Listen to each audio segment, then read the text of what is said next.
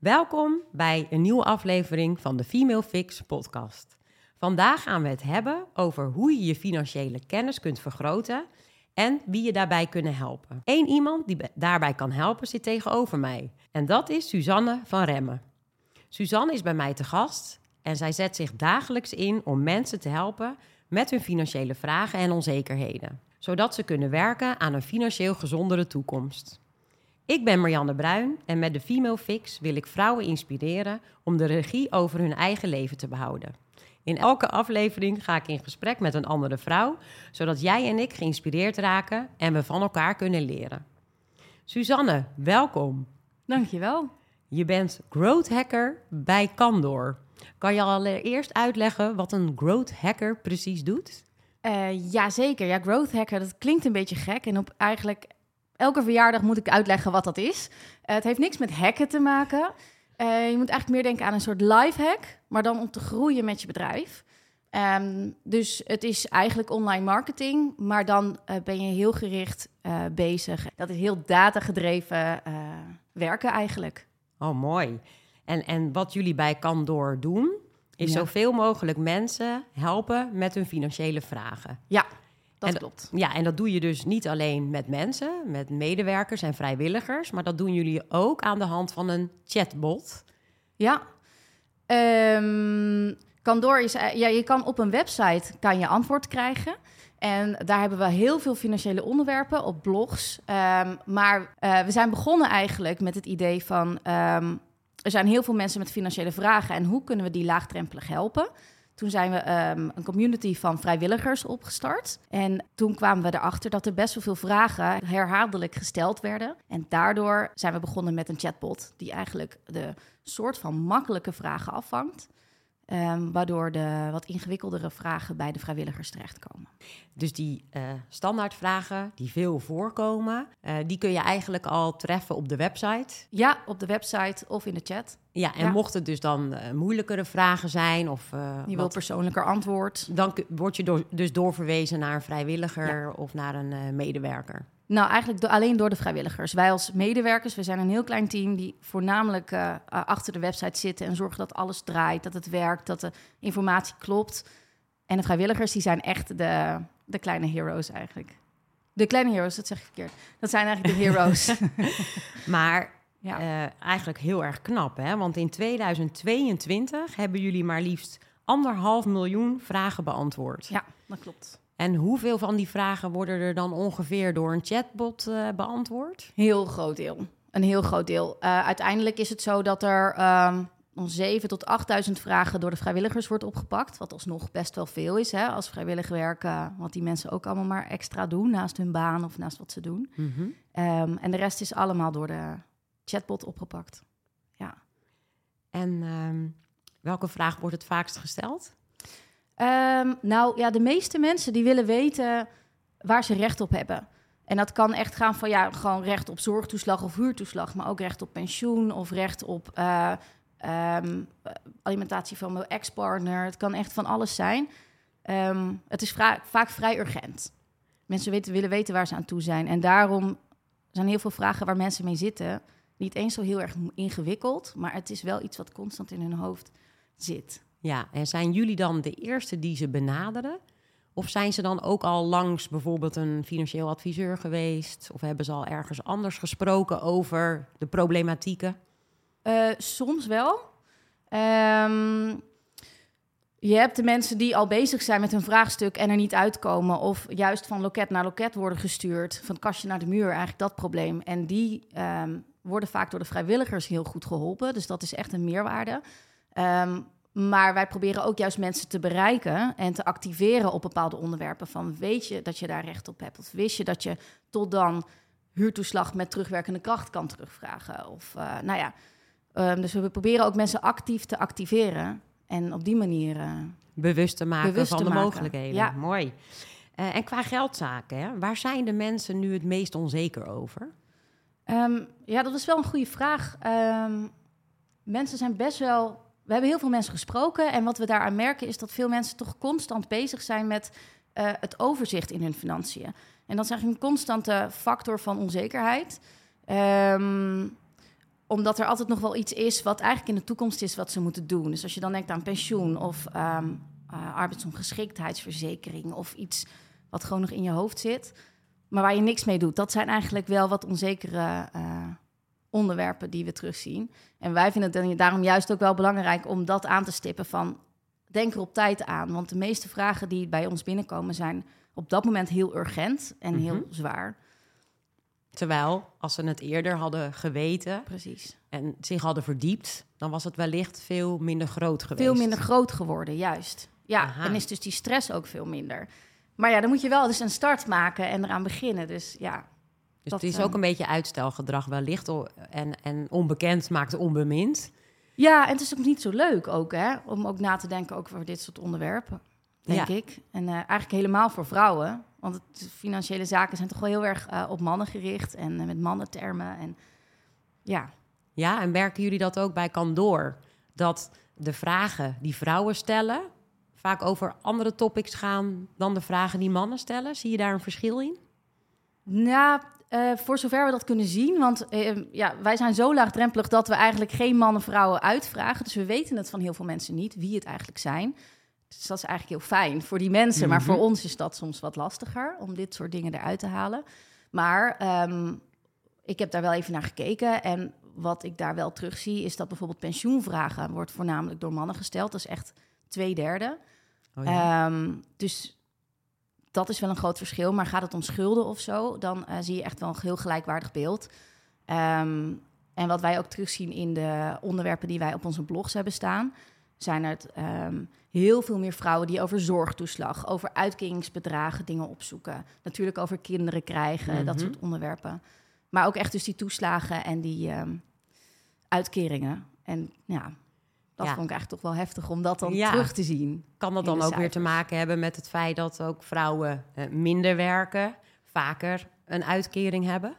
Dat denk ik wel, ja. Dat door, door die kwetsbaarheid die erachter zit, dat ze dus ook ja, meer eh, moeten terugvallen op, eh, op toeslagen en alles wat daaromheen zit. Ja. Ja. En wat je zegt over pensioen, dat is natuurlijk dan toch ook nadenken over de lange termijn. Ja, En ehm, vanuit mijn boek eh, en mijn research eh, ben ik er ook achter gekomen dat vrouwen eh, best wel goed bedreven zijn in de korte termijn financiën. Mhm. Maar dat ze dus nadenken over die langere termijn best wel ingewikkeld vinden. ja. Terwijl het wel noodzakelijk is, omdat vrouwen nog steeds 40% minder pensioen ja opbouwen. het is bizar, hè? En dan hebben we het over 400 euro minder pensioensopbouw per maand. Per maand. Ja, dat is een- ja, een heel groot verschil. Zeker ook omdat veel, min, veel meer mensen ook alleenstaand zijn en niet meer samen zijn. Ja, dat is best wel heftig. Ja, want dan heb je dus eh, op korte termijn het soms eh, al niet helemaal op orde. Ja. 65% van de vrouwen zijn al financieel kwetsbaar. Ja. Maar vervolgens wordt die langere termijn dus eigenlijk nog een veel groter pro- probleem. Want ze bouwen minder pensioen Ja. op. En ze hebben dus eigenlijk al uitkeringen. Nou, waardoor dus die lange termijn nog veel kwetsbaarder is. Ja. dus dan is ook een beetje de vraag van hè, hoe kunnen we vrouwen over die langere termijn nou toch eh, meer laten nadenken en er ook al actie op laten ondernemen? Wat zou daar nou voor nodig zijn? Ehm, nou, je begint denk ik al. ah, er zijn heel veel. Ik, krijg duizend antwoorden in mijn hoofd, maar je begint op heel veel verschillende momenten. Allereerst denk ik, eh, als, als jongere, als je dan al ehm, het soort van in je hoofd krijgt dat het normaal is om erover na te denken, om te beleggen, om je uitgaven goed op een rijtje te hebben, om het normaal te vinden om een leuke baan te krijgen. En nou ja, eigenlijk dat hele, die hele mindset daarin, denk ik dat het een hele goede basis is. Mhm. Ehm, maar ook op het moment dat ehm, je gaat denken aan kinderen krijgen, dat je dan denkt van nou, wat is dan precies mijn plan? Daar hebben we het in de podcast natuurlijk al vaker over gehad, maar dat is gewoon zo'n ontzettend belangrijk moment, omdat dan natuurlijk vrouwen minder, vaak minder gaan werken. Ja. Ehm, Dus eigenlijk proactief op de levensgebeurtenissen inspelen. Eh, veel meer op preventie zitten, denk ik. En als je het Ja, dan hebt eh, over het onderwijs, burgerschap, hè, vind ik zo'n Ja. mooi vak. Eh, daar zou je dit Ja. natuurlijk helemaal kunnen inbedden. Hè? Van nou, hè, wat is je money mindset? Wat heb je meegekregen vanuit je jeugd? Eh, Ja. Eh, hoe kan ik slimmer met mijn geld omgaan? Eh, niet alles meteen uitgeven, maar ook bewijzen van eh, hoe ga ik om met trends als de digitalisering, het achteraf Ja. betalen, hè, met de risico's die dat met zich meebrengt. Ja, maar als je dat dus al jong, jonger in je systeem hebt, dan hoef je daar later niet zoveel meer mee bezig. Want het is zo eigenlijk veel en ingewikkeld. En als je dat allemaal nog moet gaan bedenken als je 30 of 40 bent of 50, je moet het allemaal nog leren, dat is veel te veel. Ehm, en mensen zijn natuurlijk al sowieso niet heel erg van de lange termijn. Eigenlijk geen enkel mens. Sorry, geen enkel mens. Ehm, en bij vrouwen is dat misschien nog wel veel meer. En ehm, mijn eigen gedachte was ook een beetje toen ik hierover na zat te denken over die vrouwen en korte termijn. is dat vrouwen ook vaak veel meer dingen in hun hoofd hebben zitten. Mannen zijn denk ik wat pragmatischer. Die denken gewoon, oh, ik wil dat weten. Ik ga dat vandaag uitzoeken. En vrouwen hebben toch in hun hoofd van... oh ja, maar morgen is het kinderfeestje van die... en ik moet eigenlijk nog eh, de tas van die... en, het, en eh, het broekje wassen, want dat is voor, eh, voor weet ik veel wat. Je hebt veel meer in je hoofd als het alleen nog gaat om je kind. Maar waarschijnlijk elke vrouw over elk onderwerp heeft dat. En dat zie ik ook om me heen bij vriendinnen en ook trouwens bij mezelf... dat het hoofd vaak kan, constant aanstaat en doorgaat. En daardoor is er denk ik minder ruimte om eens even rustig te gaan kijken van... oké, zal ik eens extra gaan beleggen voor naast mijn pensioen? Of überhaupt daar eens even rustig over na te denken. Ja, wat dat betreft eh, kunnen we nog wel eh, wat van mannen overnemen. Dat Ja. ze zich zo lekker kunnen focussen en ook kunnen afsluiten. En met Ja. één ding tegelijk bezig zijn. Dat zou eigenlijk wel goed zijn. Maar het zou ook goed zijn, denk ik, als het iets meer op de vrouw ingesteld wordt. Want het is wel heel erg ehm, reference man-achtig. Heel erg gericht op de man, ingesteld op de man. Ehm, net als met die pink text. Ik wil graag het roze scheermesje hebben, maar die blauwe die ziet er niet zo leuk uit. Maar die moet je eigenlijk kopen, want die is goedkoper. Ja, En dat geldt er hier eigenlijk ook een beetje voor. Het moet een beetje leuk gemaakt worden. Dus ja, ja, nou dat vind ik een heel goed punt van je. Ehm, en, en hoe zou jij dan eh, financiën leuker kunnen maken voor vrouwen? Kijk, ik heb dat al eh, getracht hè, Ja. met lekker een eh, pink roze boek. Die overigens niet duurder is als je een je blauwe roze cover maakt, zou nee. hebben. Nee, nee, nee. Ehm, maar welke handvatten gaan daarbij helpen in jouw ogen? Dat vind ik wel een moeilijke vraag. Ehm, ik denk dat als eh, meer vrouwen aan het woord komen over geldzaken, ook bepaalde onderwerpen meer naar voren komen. Want het is best wel interessant uiteindelijk. Ik ben helemaal niet zo financieel minded, maar ik ben bij een pensioenfonds of uitvoerder terechtgekomen. En daardoor heb ik geleerd dat het echt super interessant is. Dat het zoveel, zo bepalend is voor je leven. Ook eh, wat voor levensveranderend iets is het om met pensioen te gaan, bijvoorbeeld. Ja, Ehm, dat je er wel een beetje in moet duiken. Dus als die onderwerpen een beetje appealing worden gemaakt, dan Ja. wordt het waarschijnlijk ook gewoon een stuk interessanter om je erin te verdiepen. ik geloof er ook in dat we er veel emotioneler naar mogen kijken. Ja, dus, dus als je het dan hebt over die levensgebeurtenissen, nou, hè, je wordt moeder, kinderen Juist. krijgen, nou, dat is allemaal heel emotioneel en spannend. ja, En als je daar dan je financiën aan koppelt, hè, dan Ja. wordt het leuk om ermee bezig te zijn. Eigenlijk het soort, eh, wat heb je nodig als jij eh, een kindje krijgt aan spullen? Eh, en dan vervolgens ook, eh, hoe wat ziet dan kost jouw dat? financiële plaatje eruit? En als je het op die manier doet, ja, dan Juist. spreekt het veel meer aan. Nou, dat is precies, ja. Dat, is, dat denk ik dat het heel goed helpt. En dan voor heel veel verschillende levensfases. Misschien kunnen, dat is echt nu een top of my mind, maar ik bedoel, de overgang is ook een beetje een ding waar eh, steeds meer aandacht voor komt. Ik heb er zelf nu op dit moment nog niet zo heel veel, maar ik denk dat dat ook een ding is. Ik weet niet of dat met geld te maken heeft, maar misschien wel. Nou, zeker. Waar, waar het om gaat, is het is een eh, heel heftig live event. Ja. De overgang ook. Ja, En dat kan consequenties hebben voor je mindset. Misschien Ja. ook wel voor de hoeveelheid uren die je werkt. juist. Eh. En dus, dus ook dat zijn levensgebeurtenissen waar je nu eigenlijk al over na zou kunnen denken. En ook, oké, nou, hoe wil ik daar eh, op, de, eh, op die levensfase, hoe wil ik dan mijn leven indelen? Ja. En welke financiële consequenties heeft dat? Dus niet Ja. alleen maar de leuke momenten, maar Nee. ook dus de minder leuke momenten daarin meenemen. En hoe vang je dat op? Ja, Exact. En ook de minder leuke momenten zijn heel emotioneel. Ik denk nog wel emotioneler ja, dan de positieve momenten. Ehm, dus bespreek dat hè, samen Ja. met je partner, met je Ja. vriendinnen. En vervolgens koppel je daar dan die financiële consequenties aan. ja. Ik geloof erin dat dat gaat helpen. Ja, dat denk ik ook. En misschien ook wel om te visualiseren naar iets verder weg. Dat je denkt, hoe wil ik dat mijn leven eruit ziet als ik straks, weet ik veel, als, uh, als ik kinderen heb en die zijn inderdaad 15 of 20, of als ik straks met pensioen ben, hoe wil ik, wel, hoe wil ik dan leven? En als je dat echt voor je ziet, dan kan je daar ook naartoe werken. Precies. Ja, dus uh, visualiseren ook op dit onderwerp. Ja.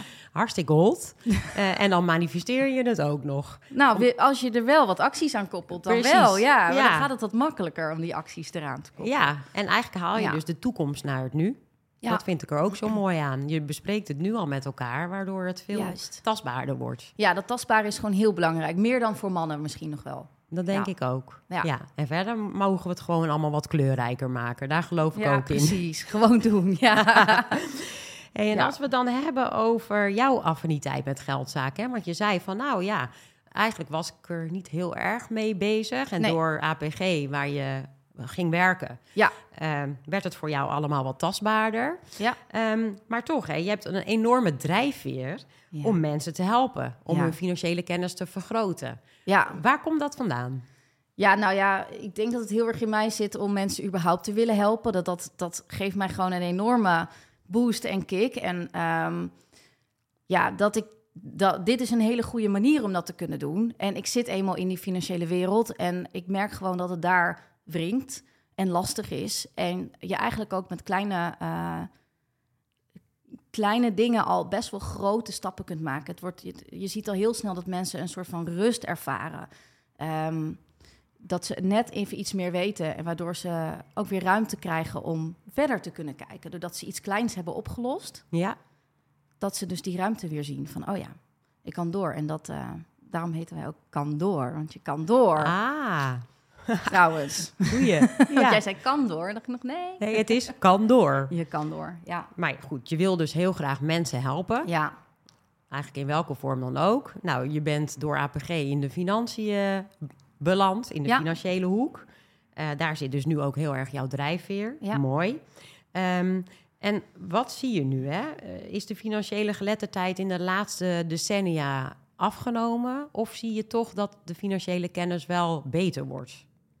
Ja, ik denk wel dat de financiële kennis beter wordt. Um, uh, er is natuurlijk heel veel te vinden. Um, en er is ook bekend dat bijvoorbeeld veel minder mensen in een schuldsanering zitten en zo. Dus ik denk dat er wel een soort van, in die zin, een stijgende trend is. Um, maar er wordt wel ook steeds meer verwacht van mensen. Dat ze moeten gewoon heel veel meer zelf uitzoeken, zelf opzoeken, online dingen doen. En dat maakt, denk ik, dat er toch wel heel veel uh, onderliggende zorgen zijn. En dingen die niet helemaal veilig of zeker zijn als je iets hebt, ergens hebt gelezen van klopt dat dan? Mm -hmm. Dus ik denk dat er wel um, iets meer financiële geletterdheid is. Um, maar dat die zorgen niet per se weg zijn. Nee. En uit onderzoek blijkt ook wel dat mensen zichzelf vaak een beetje overschatten als het gaat om financiële geletterdheid. Ja, ze denken. Ik weet het allemaal wel, maar als er bepaalde termen naar voren komen of ze moeten simpel iets uitrekenen, dan is het toch lastig. Ja. En dat snap ik ook, want het is ook best wel lastig. Ja, en jij zegt uh, soms zijn het kleine stapjes waarmee we ze helpen. Ja. Uh, en die hebben al grote consequenties. En kun je eens een voorbeeld geven van dan een kleine stap? Ja, laatst had ik nog wel een vraag gezien van iemand die met schulden te maken had en een probleem had met uh, de bewindvoerder. En die was bang dat er inkomen van het kind of erfenis van het kind invloed zou hebben op haar inkomen of iets mm -hmm. dergelijks. En daar, nou, er kwam eigenlijk uit dat dat geen invloed had en dat het eigenlijk niet echt een probleem was. En er was, was ook nog wat tips gegeven van hoe kan je dat dan bespreken vervolgens met je bewindvoerder en hoe kan je daar stappen in nemen. En je, ja, je zag in het antwoord gewoon heel duidelijk dat diegene daar heel blij mee was. We vragen dat natuurlijk ook uit van, hè, ben je geholpen? Uh, heb je misschien nog iets te zeggen tegen je financiële vrijwilliger? En dan krijg je daar dus dat soort reacties op terug. Dat mensen echt aangeven van, ik ben zoveel geruster. Of ik heb eindelijk iemand gehoord die mij gehoord heeft. Ach, ja. En dat laatste, dat is echt, uh, ja, denk ik heel belangrijk. Dat je gehoord wordt. In en door probleem. kan. door kan door, ja. kan door. Bijvoorbeeld, hè, dat kan ook, er zijn heel veel plekken waar je uh, gehoord kan worden en, en organisaties die kunnen helpen. Um, maar de drempel is vaak wel groter om naar een schuldhulpmaatje te gaan, of bijvoorbeeld, of, uh, of, of naar zo'n soort vrijwilligersorganisatie. Dus ja. Ja, en bij jullie kan je natuurlijk ook anoniem terecht. Ja. Dat is natuurlijk ook wel eh, mooi anoniem- en drempelverlagend, kan ik me voorstellen. Want als jij schulden Precies. hebt, nou, wil je misschien nog niet echt eh, Nee, dat zeggen of Nee. eh, daarvoor uitkomen een tegenover een, op. persoon. Ja. En, en als je dat dan anoniem kan doen, dat geeft natuurlijk ook wel een gevoel van...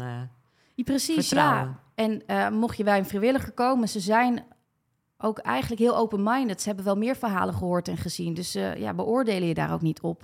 En weten dat het lastig is. Dus ja, dat is eh, heel, heel tof om te zien. ja, en soms kan een stapje als overzicht bieden ook al helpen, hè?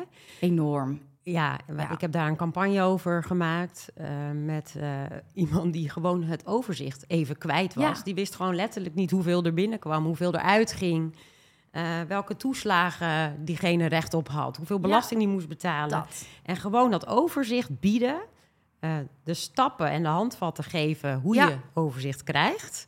Nou, dat gaf al zo'n opluchting. Exact. Ja, Ja. zoveel rust. Eigenlijk is dat een beetje coaching.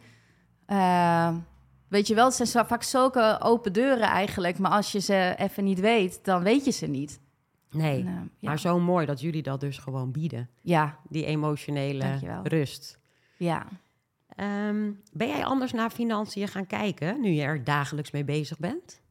Ja, best wel. Ja, ik eh, keek sowieso niet echt naar mijn pensioen voordat ik bij eh, APG bezig was. Ik wist dat er een voor een papiertje was en dat er wel iets gebeurde, maar dat was het ook zo'n beetje. Mhm. Ehm, ik denk dat ik voor ik ben wel altijd wel bewust geweest met ehm, dat je altijd een onvoorziene kostenpotje moet hebben en dat soort dingen. Dat je daar in ieder geval geen stress over hebt.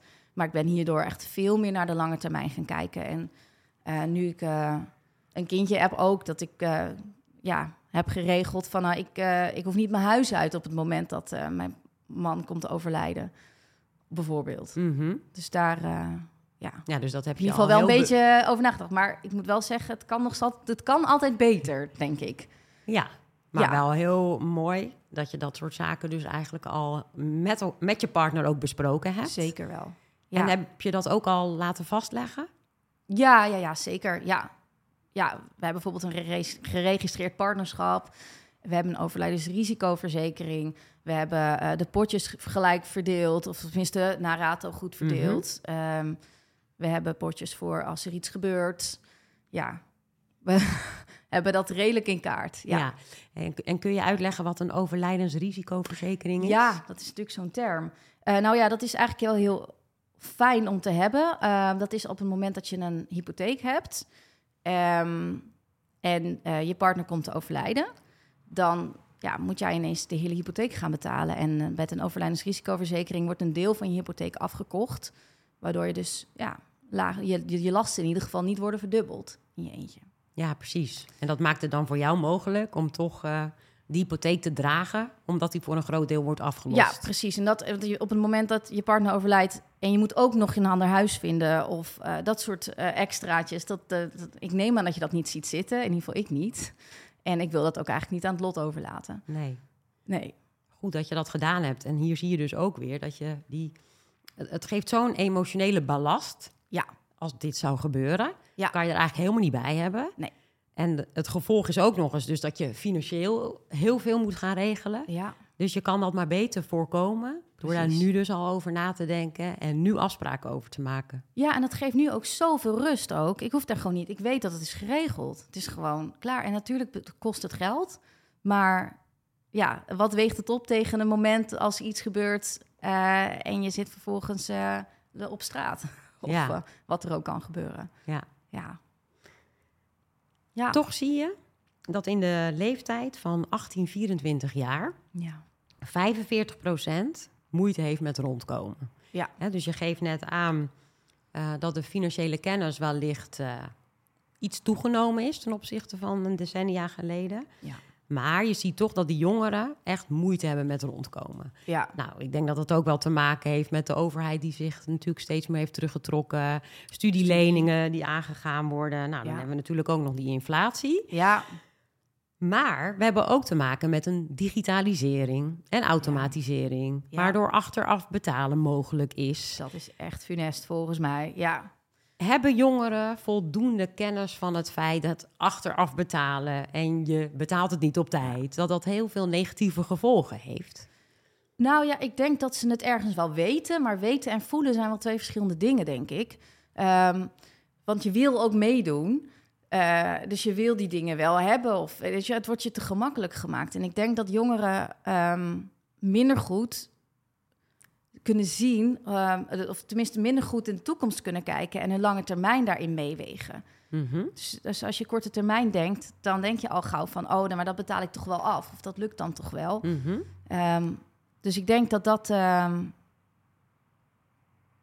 Maar hoe zouden we dan jongeren preventief, zeg maar, ook die juiste handvatten kunnen bieden en bewust kunnen maken van al die uh, risico's? Ja. Nou, ik denk dat je um, heel veel meer kan doen met lessen op scholen. Ik denk dat je daar ontzettend veel mee kan doen om echt die bewustwording uh, te maken, maar ook wat kan toepassen daarin op dat moment. En ik denk ook dat het heel belangrijk is eigenlijk dat het voor jongeren moeilijker wordt gemaakt om achteraf te kunnen betalen. Mm -hmm. um, en op afbetaling dingen te kunnen doen. Ik denk dat die twee zaken heel belangrijk zijn. Ja, nee, dat denk ik ook. Uh, eigenlijk zou je ze een uh, bewuste money mindset uh, mee willen geven. Ja, en er zijn op zich ook volgens mij best wel veel initiatieven die daarmee bezig zijn. Je hebt natuurlijk wijziging geldzaken die de Week van het Geld heeft, maar daarnaast ook allerlei gastlessen aanbiedt op basisscholen en middelbare scholen. Mm -hmm. maar ik heb hen ook wel eens gesproken en zij geven ook aan dat het eigenlijk niet heel vaak wordt gedaan. Dus er mag wel wat meer ruimte komen, denk ik, om dat te integreren in lessen die er al zijn, zoals burgerschap of maatschappijleer, of waar, ja, waar het in zou passen. Ja, dat denk ik ook. Ja, en daarbij uh, valt er misschien ook wel voor te zeggen hè, dat we social media uh, met één druk op de knop heb je natuurlijk een aankoop Precies. gedaan. Dat wordt zo makkelijk gemaakt. Ja. Ja, en dan heb je natuurlijk ook toch de, de influencers die dan uh, wel elke keer mooie gadgets laten zien, mooie kleding ja. hebben. Um, ja, daar moet je een gesprek over aangaan. Precies, met jongeren, jongeren. Precies, want jongeren worden gewoon dagelijks verleid ja. voor mooie dingen. Uh, dus, dus ook hier is een uh, emotioneel sterke mindset heel belangrijk. Hè? Dat je daar niet te gevoelig voor bent. Nee, en maar ja, wie gaat dat gesprek aan? Want dat zou je eigenlijk van je ouders, denk ik, verwachten. Of van degene met wie je veel bent. Maar als je ouders dat niet kunnen, of dat, daar geen ruimte voor hebben om dat te doen, is dat denk ik heel lastig. Dus dan denk ik toch op die. Ik zat dus een beetje in die richting te denken, maar ook richting de scholen en uh, plekken waar ze dat sowieso kunnen meekrijgen. Ook als je ouders dat zelf niet toe kunnen doen. Nee. Want dat gesprek daarover aangaan is natuurlijk mega belangrijk. Ja. Van die influencer, die, uh, is, dat, is, dat is een werk. Zeker. Dat, zou is heel niet, mooi zijn. Ja. als, als influencers dat, al, dat gedeelte ook meepakken. Hè? Dat, dat, zou heel gaaf zijn eigenlijk. Ja. Nou ja, dat, ik zie een stap. Ik zie stap. Misschien kunnen we wat influencers uh, hierbij inspireren om daarbij uh, bij te helpen. Mooi, ja. En als we dan naar de vrouwen kijken in Nederland, dan zien we dus dat 65% van de vrouwen financieel kwetsbaar is. Ja. Oftewel, ze kunnen financieel niet volledig op eigen benen staan. Dit is zorgelijk en daarom is de overheid onlangs met een campagne gekomen om mm. vrouwen te stimuleren om meer te gaan werken. Ja. De slogan luidt: meer uren werken, laat het merken. Ja. Wat vind jij van deze campagne? Ik vind het heel goed dat ze iets willen doen met vrouwen. Um, maar eerlijk gezegd, toen ik het uh, voor het eerst las, stuitte het me best wel tegen de borst. Het, de, de, de, toon vind ik niet heel erg prettig. Um, en het wordt heel erg bij de vrouw neergelegd wat zij uh, moeten doen. En het is een beetje zo opgelegd. En ik denk, ja, dat is niet de manier volgens mij om vrouwen uh, te stimuleren om meer te gaan werken als dat je doel is. Mm -hmm. Ik denk dat het veel beter is om te kijken hoe je vrouwen in, kracht, in hun kracht kan zetten. En dat uh, met de hele maatschappij en met alle regelgeving te doen. En dat daarmee uh, een stap gezet kan worden. Want als ja. werkgevers nou bijvoorbeeld op een andere manier iets doen... of een, um, hun werk inrichten waardoor de vrouw dat kan... volgens mij wil een vrouw best wel meer werken. Ik heb elke vrouw die ik heb gesproken, die zegt wel... ja, maar ik vind het helemaal niet erg om s'avonds nog heel even mijn laptop open te klappen. Um, maar ik wil wel mijn kind zien of ophalen van de opvang. Ja, ja dus het belerende toontje ja. wat in die campagne zit... dat spreekt mij ook niet aan. Nee, dat snap ik. En je zou eigenlijk naar het hele systeem moeten kijken in Nederland. Hè? Dus het uh, bedrijfsleven kan dingen doen. De man zelf zou uh, ook uh, de vrouw kunnen ondersteunen... in het wegbrengen, ophalen van ja. kinderen... Eh, het hybride werken, daar geloof ik ook heilig in. Dat dat ontzettend helpt eh, om de vrouw meer uren te laten maken. Maar als je dan kijkt naar de kinderopvang, dat zou een stuk goedkoper worden voor werkende vrouwen. Ja. Nou, daar is nog weinig aan gedaan, maar hopelijk gaat dat versnellen. Want hè, het nieuwe kabinet heeft wel aangegeven dat ze daar harde maatregelen op zouden nemen. Ja. Ehm, ja, en als je dan kijkt naar de schooltijden, kwart over drie gaan die scholen uit. Bij een continu rooster is dat twee uur, kwart over twee.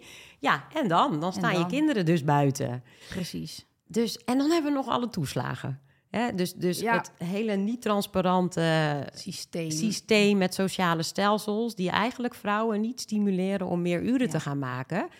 Uh, ook in, in, interviews uh, die ik voor mijn boek heb gedaan... wilden vrouwen wel meer werken, die bijvoorbeeld gescheiden waren. Maar als ze dat dan deden ja, dan hadden ze geen recht meer op toeslagen, waardoor ze uiteindelijk slechter af waren. Precies. En dan denk je al gauw, dat gaan we niet doen. Exact. Dus, dus ja, ik uh, ben uh, ook van mening, uh, hartstikke mooi dat de overheid aandacht besteedt aan het feit hè, dat er iets moet gebeuren. Hè. We hebben ja. massale arbeidstekorten, dus het zou heel goed zijn als we met z'n allen wat meer uren zouden draaien. En het is ook heel erg goed voor de financiële zelfredzaamheid van de vrouw. Zeker. Maar het systeem moet daar ook bij gaan helpen. Precies.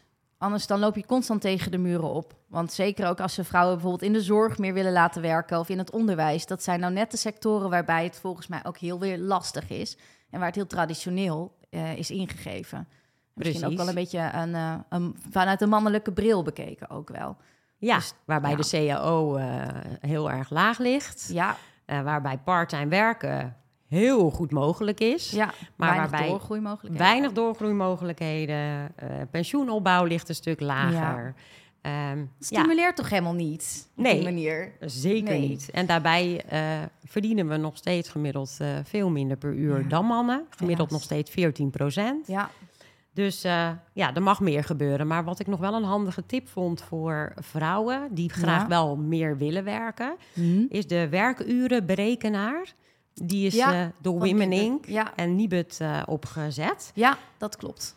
En dan kan je dus, uh, als je dus die meer uren gaat invoeren... dan haalt hij automatisch dus de belastingpremies en de toeslagen... haalt hij daar dan ja. vanaf of telt hij erbij op. En dan weet je dus precies hoeveel het loont om meer uren te gaan exact. werken. Ja, dat is zeker een goede tip om te gebruiken. Ja. ja.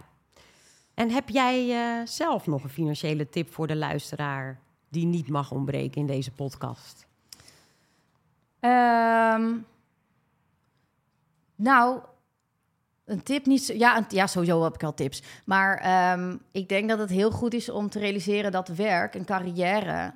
dat dat niet iets vervelends is. Of dat je tegen mannen moet strijden om uh, hoger op te komen of wat dan ook. Je carrière is gewoon werk wat je leuk vindt, wat jouw missie geeft. En dat dat um, je ook heel veel kracht kan geven en, en levensplezier. Waardoor je het misschien ook wel leuk gaat vinden om uh, te werken en zelf, daarmee zelfredzaam te worden. En dat dat ook een leuke manier is. Dat je niet moet denken van uh, werk is carrière, dat, dat klinkt allemaal veel te moeilijk. Dus ja, ik denk dat dat heel belangrijk is. En als je met iets kleins zit, ga er even mee aan de slag. Want anders dan blijven twintig kleine dingetjes in je hoofd.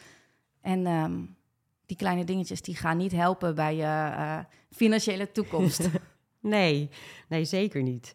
En uh, mooi wat je zegt, hè, dat uh, als je weet wat je passie is en wat je leuk vindt om ja. te doen, en daar kan je je werk van maken. Ja, het is mogelijk. Dan, dan word je in je, je, kracht gezet. Het is superleuk ja. om, om een leuke baan te hebben. Ja, precies. En te doen hè, waar je hart ligt. Ja. En dat je dan daar automatisch ook geld mee verdient, is natuurlijk geweldig. Ja, exact dat. En dan ja. maakt het eigenlijk helemaal niet uit of je dat uh, 24 uur of uh, 36 uur doet. Hè, want je wordt er blij van. Precies. Dus die 36 uur die is ook echt wel mogelijk met kinderen. Alleen inderdaad, Absoluut. goede afspraken met je partner maken. Ja. Hè, met oppas. En met je werkgever probeer daar ook gewoon mee te praten en kijken wat mogelijk is. Want Zeker. Je, ja. ja Kijk, denk in mogelijkheden vooral. Ja, en ja. ook het... Um, zwanger zijn en een kindje krijgen is niet alleen maar jouw pakje aan. Nee. Hè? Hij doet het samen. Ja. eh, een kindje krijgen is ook de verantwoordelijkheid van de partner, van je werkgever, Precies. van de overheid. Het Dus- is een maatschappelijk ding. En die kinderen die, eh, zijn straks ook weer... eh, dit, dat is de nieuwe maatschappij straks ook. Dus we moeten er samen voor zorgen dat we het met z'n allen een beetje mooi en goed doen. eh, om het later ook weer eh, Te laten bloeien. te laten bloeien, ja. ja, heel en daarin mooi. ook het goede voorbeeld te kunnen geven, denk ik. Ja, nou en daar eh, help jij eh, ook dagelijks bij. Want eh, als je dus met veel problemen in je hoofd zit en je komt er financieel even niet uit. Nou, wat mij zelf altijd helpt, is ook het gewoon opschrijven. Wat Zeker. er allemaal in mijn hoofd zit. Ja. en als ik een financiële vraag heb, nou dan ga ik altijd eerst even googlen. en zoek ik het op. En als ik Precies. het niet eh, zelf kan vinden, dan ga ik erover praten. Ja, Hè? Want praten met vriendinnen of met mijn partner, nou, dan kom ik ook toch altijd al wel een paar stappen verder. ja.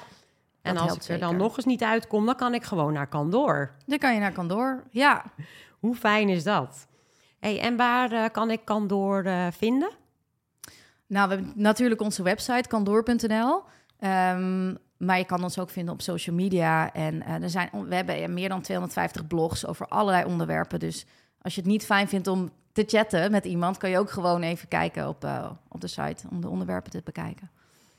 Nou, Ja, en dan word je gratis geholpen. het is sowieso allemaal gratis. Ja, ja. dat is wel heel erg mooi. Eh, Ja. Wil je nou nog meer tips ontvangen? Dan kun je ook altijd natuurlijk de Female Fix lezen. En eh, in deze podcast gaan we er ook een paar weggeven, want het is Ja. bijna moederdag. Ja, hartstikke leuk. Zeker. En eh, als je zwanger bent of net moeder bent geworden, eh, dan is het boek. Dat is echt een aanrader. Ja, ja. Het is heel overzichtelijk en, en leuk geschreven trouwens ook, met al die voorbeelden. Dankjewel. Vandaag was de gast Suzanne van Remmen. Dankjewel voor het leuke gesprek en voor alle handige financiële tips. Graag gedaan. In de volgende aflevering praat ik weer met een andere inspirerende vrouw. Mijn naam is Marianne Bruin. Bedankt voor het luisteren.